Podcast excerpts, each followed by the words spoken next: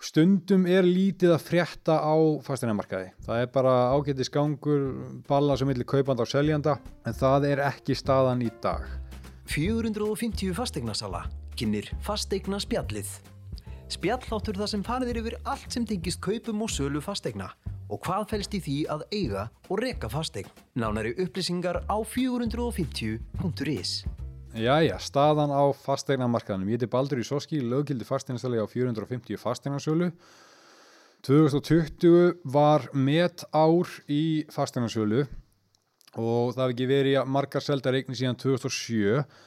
og ég ætla aðeins að koma betur inn á þetta 2007 dæmi að þetta, þetta er rosalega leiðilegt ár til að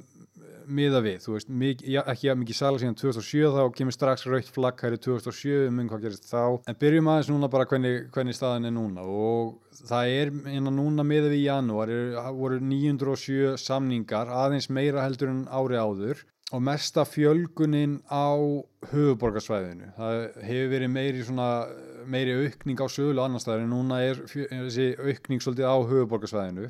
en frambóð hefur aldrei aldrei sé þetta einu svona, aldrei verið lítið eins og núna. Það er 900 til 1000 eignir á sölu en ef við horfum aðeins á núna síðasta ár met ár í sölu það komið 4000, um það byrj 4000 eignir nýbyggingar inn á markaðinn sem mættu að vissuleiti uppsatnaðri þörf en sem gerðist með þessar nýbyggingar það kom hrúa af nýbyggingum inn á markaðin og við heldum munum flest eftir þegar það var bara nánast engöngu nýbyggingar á MBL og Vísi til sölu og maður gæti ekki fundið eldri eignir, það var allt bara morandi í nýbyggingum. Og það stoppaði svolítið salan á þessum nýbyggingum að þetta komaði svo mikið inn á, á stuttum tíma. Og af því að það gerðist að það stoppaði eftirspurnin og þessi kaupendur af þessum nýbyggingum að því að kom svo aðeins svo mikið inn á stuttum tíma að þá einhvern veginn hættu þessi byggingaraðilar að byggja eða minguður rosalega mikið ný verkefni og það er svolítið að bytna á okkur núna að því að frambóðið nýjar byggingar að tekur alltaf 1-2 ár að byggja eignir en eftirspurning getur breyst á einum degi, viku eða mánuði. Og þegar eftirspurning eikst svona mikið á stuttum tíma eins og á síðasta ári að allar, uh, bara, já, ekki nána sagt allar þessi eignir seldust þessar nýbyggingar upp, þessi uppsann á þörf einhvern veginn átt upp þessar nýbyggingar átt til til að stuttum tíma allt í einu þegar markaðin fór aftur á stað og þá, þá fara byggingar aðalega aftur er ok, við þurfum að fara að byggja meira og þetta er svolítið þessi vítarhingu við frambóði eftirspyrn og þannig má alveg, það er alveg hægt að gera eitthvað til að koma í veg fyrir þetta vandamál en þetta er alveg vandamálið í dag. Núna hefur ekki verið lítið af bygging, nýbyggingum á fyrstu byggingarstugum í tíu ár og eftirspurnin og þörfin fyrir nýjar eignir að þarf að byggja 3000 eignir á ári til að sinna bara eftirspurn og það þarf að gera það árlega næstu 10 árin. Nún eru um það byrju 2300 eignir í byggingu og það er bara ekki nóg. Og við bökkum aðeins uh, hluti af þessu að það sé svona lítið frambóð núna held ég að sé að hluta til að því að það var svo mikil að því að það var svo mikil veld á síðasta árið það var svo margir að stakka við sig að því að láni voru loksins hagstað fólk að loksins sé fram á að stakka við sig og búin að vera í oflítilega eign stakka við sig, minka við sig, kaupa nýtt. Það var svo mikil hreyfing á markaðnum og núna er komið svo lítið svona tímbila sem að stór hluti er bara búin að koma sér fyrir og er ekkert að hugsa um að kaupa og selja. Og það getur verið hluti af þessu rosalega skorti á húsnæði sem er á sölu núna. 900 til 1000 eignir á sölu sem er aftur aldrei verið jafn lítið. Sko við fyrir aftur í nýbyggingarnar. Uh, hvað væri hægt að gera til að koma í veg fyrir þessar sveiplur af því að eftirspurnin eikst rosalega á stundum tíma byggingar fara, fara á stað og það tekur 1-2 ára að byggja og svo allt í hennu kemur hrúa af hérna eignuminn á markaðin og þá dettur, dettur markaðurinn niður er bara of mikið á stutnum tíma og verðin geta jafnvel á nýbyggingum dottið aðeins niður af því að það kemur of mikið á inn á stutnum tíma. Það er ekki heilbrygt og og það sem hefur búið að tala um núna árlega, ár eftir ár eftir ár það er alltaf einhverju fundir í íbúinlega og eitthvað, það er alltaf talað um að sama að þurfi að samræma hjá byggingaraðilum sveitafélögum og þessum aðilum sem að koma að þessari uppbyggingu nýra eigna að það er svo lítið samræmi. Það er ennþá verið að keira á milli og telja byggingar hvað er verið að, að byggja mikið á höfuborgansvæðinu núna. Það er verið að keira á milli, það er aðili í vinnu við að keira á milli og telja byggingar með alla þessa tækni sem við erum með í dag bara ég, ég get ekki byrjað á veist, möguleikunum sem er bara hægt með allt að það sé ekki miðlagt kerfi fyrir bara til að halda þessu frambóði í jöfnu, það bara er öllum fyrir góða bæði byggingaræðilum og kaupendum að koma í veg fyrir þessar sveiplu sem það koma svona allt í henni rosalegu skortur og svo rosalegt frambóð og veist, þarf að jafna þetta út einhvern veginn með því að vera með bara ja, þarf allavega að samræma þetta þannig að það sé eitthvað svona stöðuleiki í þessu, þetta sé ekki vera að keira mill á telja heignir og, þú veist þetta þarf að breytast sem fyrst bara þannig að bara upp á að halda markanum heilbriðum, þetta er algjör vítarhingur en árshækkun núna miða við janúar 7,5% miða við vístölu söluverðs 5,8% í nákvæmni höfuborgsvæðisins og þannig þessi, svo náttúrulega þarf maður að líka að horfa á sko 7,5% hækkun af þessu, laun hækkuð um það viljum 10% og matarkarfan, sparnaður heimilan er meiri og þessi sparnaði sem er búin að myndast núna á síðast ári hefur augljóslega skilja sér stórum hluta inn á markaðin fólk er með meira milli handana, það er ekki farið til útlanda, ég er búin að tala um þetta nokkur sinnum þó að það sé eitthvað aukið atvinnuleysi þá er stór meiri hluti með meira á milli handana vegna vaksta lækana og fleiri atriða. Og það hefur skilað sér bæði í rauninni endur nýjun á húsnæði. Með þessari leið að endurgræða virðsökkarskatt, þá eru margir sem fóru í framkvæmdir og að kaupa og selja stækka og minka við sig. Þannig það útskýrir kannski þetta met ár en það sem er líka aðtíklisvert er að sérbíli, einbílishús eru að hækka tölvöld meira heldur en fjölbíli og ég talaði um þetta, ég þarf að grafa upp þessa klippu þar sem ég talaði um þetta, það var held ég 2000 og, 2017 þegar það var verið að byggja svona svakalega að það var lítið sem ekkert verið að byggja á sérbíli, rosalega mikið að byggja þessum hérna Uh, bara svona milli starðar eignum og það var svolítið auðséð að sérbíli myndi hækka í framhaldinu en árshækkun á sérbíli er um 10,6% meðan fjölbíli er 6,6% Nú leiguverð stand, stendur í stað og lækkar örlítið. Á 12 mánuðum lækkar leiguverð um 1,3% og ég er búin að tala nokkri um það, kannski þarf ekki að fara rosalega mikið út í það en, en það er náttúrulega bara aukið frambóð af leiguhúsnaði, það er eigni sem að voru í Airbnb það er náttúrulega lítill hlut af þessu en það spilar allt inn í. Það er, fólk er að kaup fjárfesta núna í húsnæði, vera að fara á leikumarkaði á húsnæðismarkaði að kaupa eignir, þannig að það er að losna meira um þessi, þessi leikuhúsnæði lán er að lækka þannig að það er uh, auðveldara fyrir leigusala að halda leigun og jafnveg lækana og það er bara meira, meira frambóð af leiguhúsnæði heldur en hefur verið, þannig að það kannski svona kannski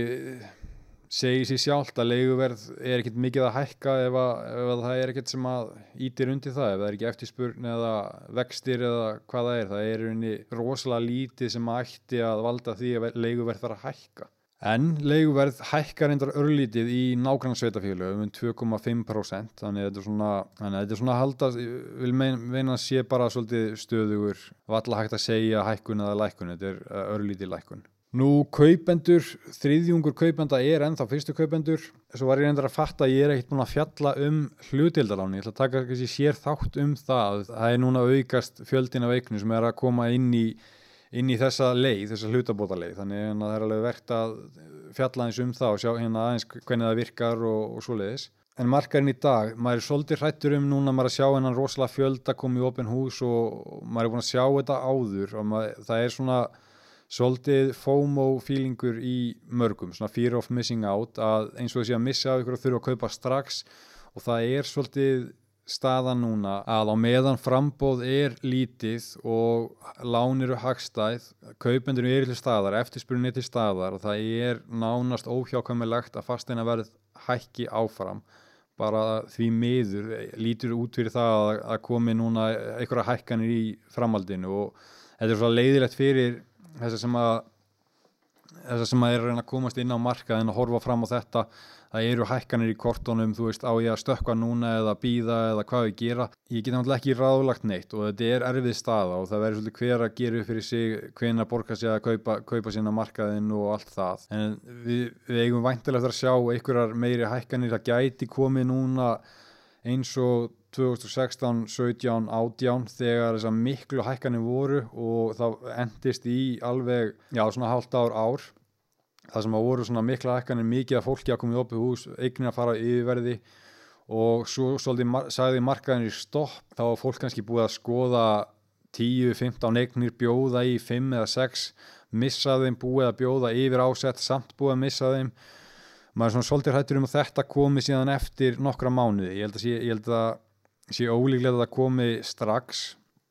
en það gæti komið svona tímabil eftir hálft ár, ár, maður veit ekki hvernig það kemur en að en það er ólíklegt samt þegar þessi punktu kemur að kaupendur svolítið segja stopp það er samt ólíklegt að verð lækki. Þannig að ég myndi ekki ég held að, sé, ég held að myndi engin mæla með þó ég sé fastinastæla að segja þetta ég held að myndi ég held að myndi fáir mæla með því að býða eftir einhvern lækkunum. Það er bara, það hefur sínt sig að yfir lengra tímbil bara að lækkar fastinni verði ekki og það að býða eftir einhverju lækkunum það er það er einhvern veginn virkar sjaldan. En, en vonum að það gerist. Það væri bara held ég öllum fyrir bestu ef að, ef að fastina verð myndi lækka og, og auðvelda kaup fyrir fyrstu kaupmyndur og svona. En ég, það er erfitt að segja þetta en hérna ég held að sé langsótt að komi einhverja lækkanir allavega fljóðlega en bara aðeins með bara markaður núna hvernig er að kaupa og selja að þó að þetta sé rosalegi skortur á frambóði séð, rosalega lítið að eignum á sölu og rosalega mikil eftirspurn, rosalega mikið beðið eftir eignum og hérna það er opin hús og mæta hérna 30, 40, 50 manns og jafnvel fleiri. Að það sem er rosalega sérstætt við markaði núna það skiptir rosalega miklu máli að kynna eignuna vel og þetta er ekki bara ég fastinasæli að segja þetta. En maður er búin að heyra af rosalega mörgum sem að setja eigna á sölu og gerist ekki neitt. Og það er í flestum tilfellum ef að ef að eignin er aðeins og hátt verðlögð þá bara spyr engin um hana, kemur engin og, og hún getur verið set, setið först á sölu í 1, 2, 3 mánuði. Og við erum að fá mikið af þessum eignum á sölu þegar fólk er búið að reyna að setja á sölu hjá okkur um öðrum, gengur ekki neitt og það þarf að þarf bara kyn, að þarf að hafa fyrir því að selja. Það er svolítið skrítið miðað við 2016-17 sett eignar sölu og hún seldist bara hérna samangáð settir á hana hvernig myndir hana voru eða hvaða er. Eftirspurnin og fólk fór bara að skoða þau og bauð og hérna það er hvernig seldist bara allt. En núna er hvernig fólk að velja rosalega vel hvaða fyrir að skoða. Og til dæmis voru við núna með tvöpunum hús í dag, við vorum með settum hana á, hérna settum hana báður á neti fyrir einhverjum fjórum dögum það voru ekki nema 300 flettingar, 200-300 flettingar á MBL og Vísi sem að skoðu eignina og, og þannig þurfti til að vera með góðar auglýsingar. Við náðum að auglýsa eignina vel og við erum að auglýsa á Facebook með svona rosalega nýttmið og góðum þetta hérna hætti að við náðum fjöldan, náðum að tífalda fjöldan um úr 300 manns skoðu eignina upp í 3000 og þetta var það sem að allir því að við fengum 50 manns í opið hús. Þannig að myndinar, kynningarefnið bara öll uppsetning og allt það skiptir rosalega miklu máli og það er það er sem ég er að tala um með hvað markaðurinn er skrítin að þessi rosalega eftirspurn er samt einhvern veginn með fyrirvara. Fólk hópast á þessu eignin sem eru rétt verlaðar og þær fara á yfirverði þannig að það er rosalega erfitt líka miða við hvað er ásett. Að ég held sko að bestu tækifærinu í dag eru í eignum sem að ég hef ekki skoðað núna í uh, einhverjar 2-3 vikur en ég skoða rosalega mikið eignir sem hafa hangið á sölu í kannski mánuð eða tvo, sérstaklega ef að það eru ljótar fastinamyndir, bara sumir fastinastælar eru svona kærlausir, taka mynd með símanum bara svona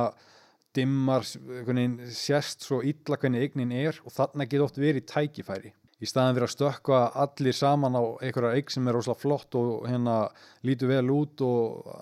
fara svolítið í þessa keppni að það, það leynast tækifæri oft í þessum eignum sem eru bara ljótar á myndum. Svo mætir á staðinu þetta bara fínasta eign. Eða, þar, eða jafnvel þó að þurfi eitthvað, eitthvað smá við allt, þú veist, að það er komið tíma að glugga eða eitthvað, við erum ekki hrættu við það. Að því að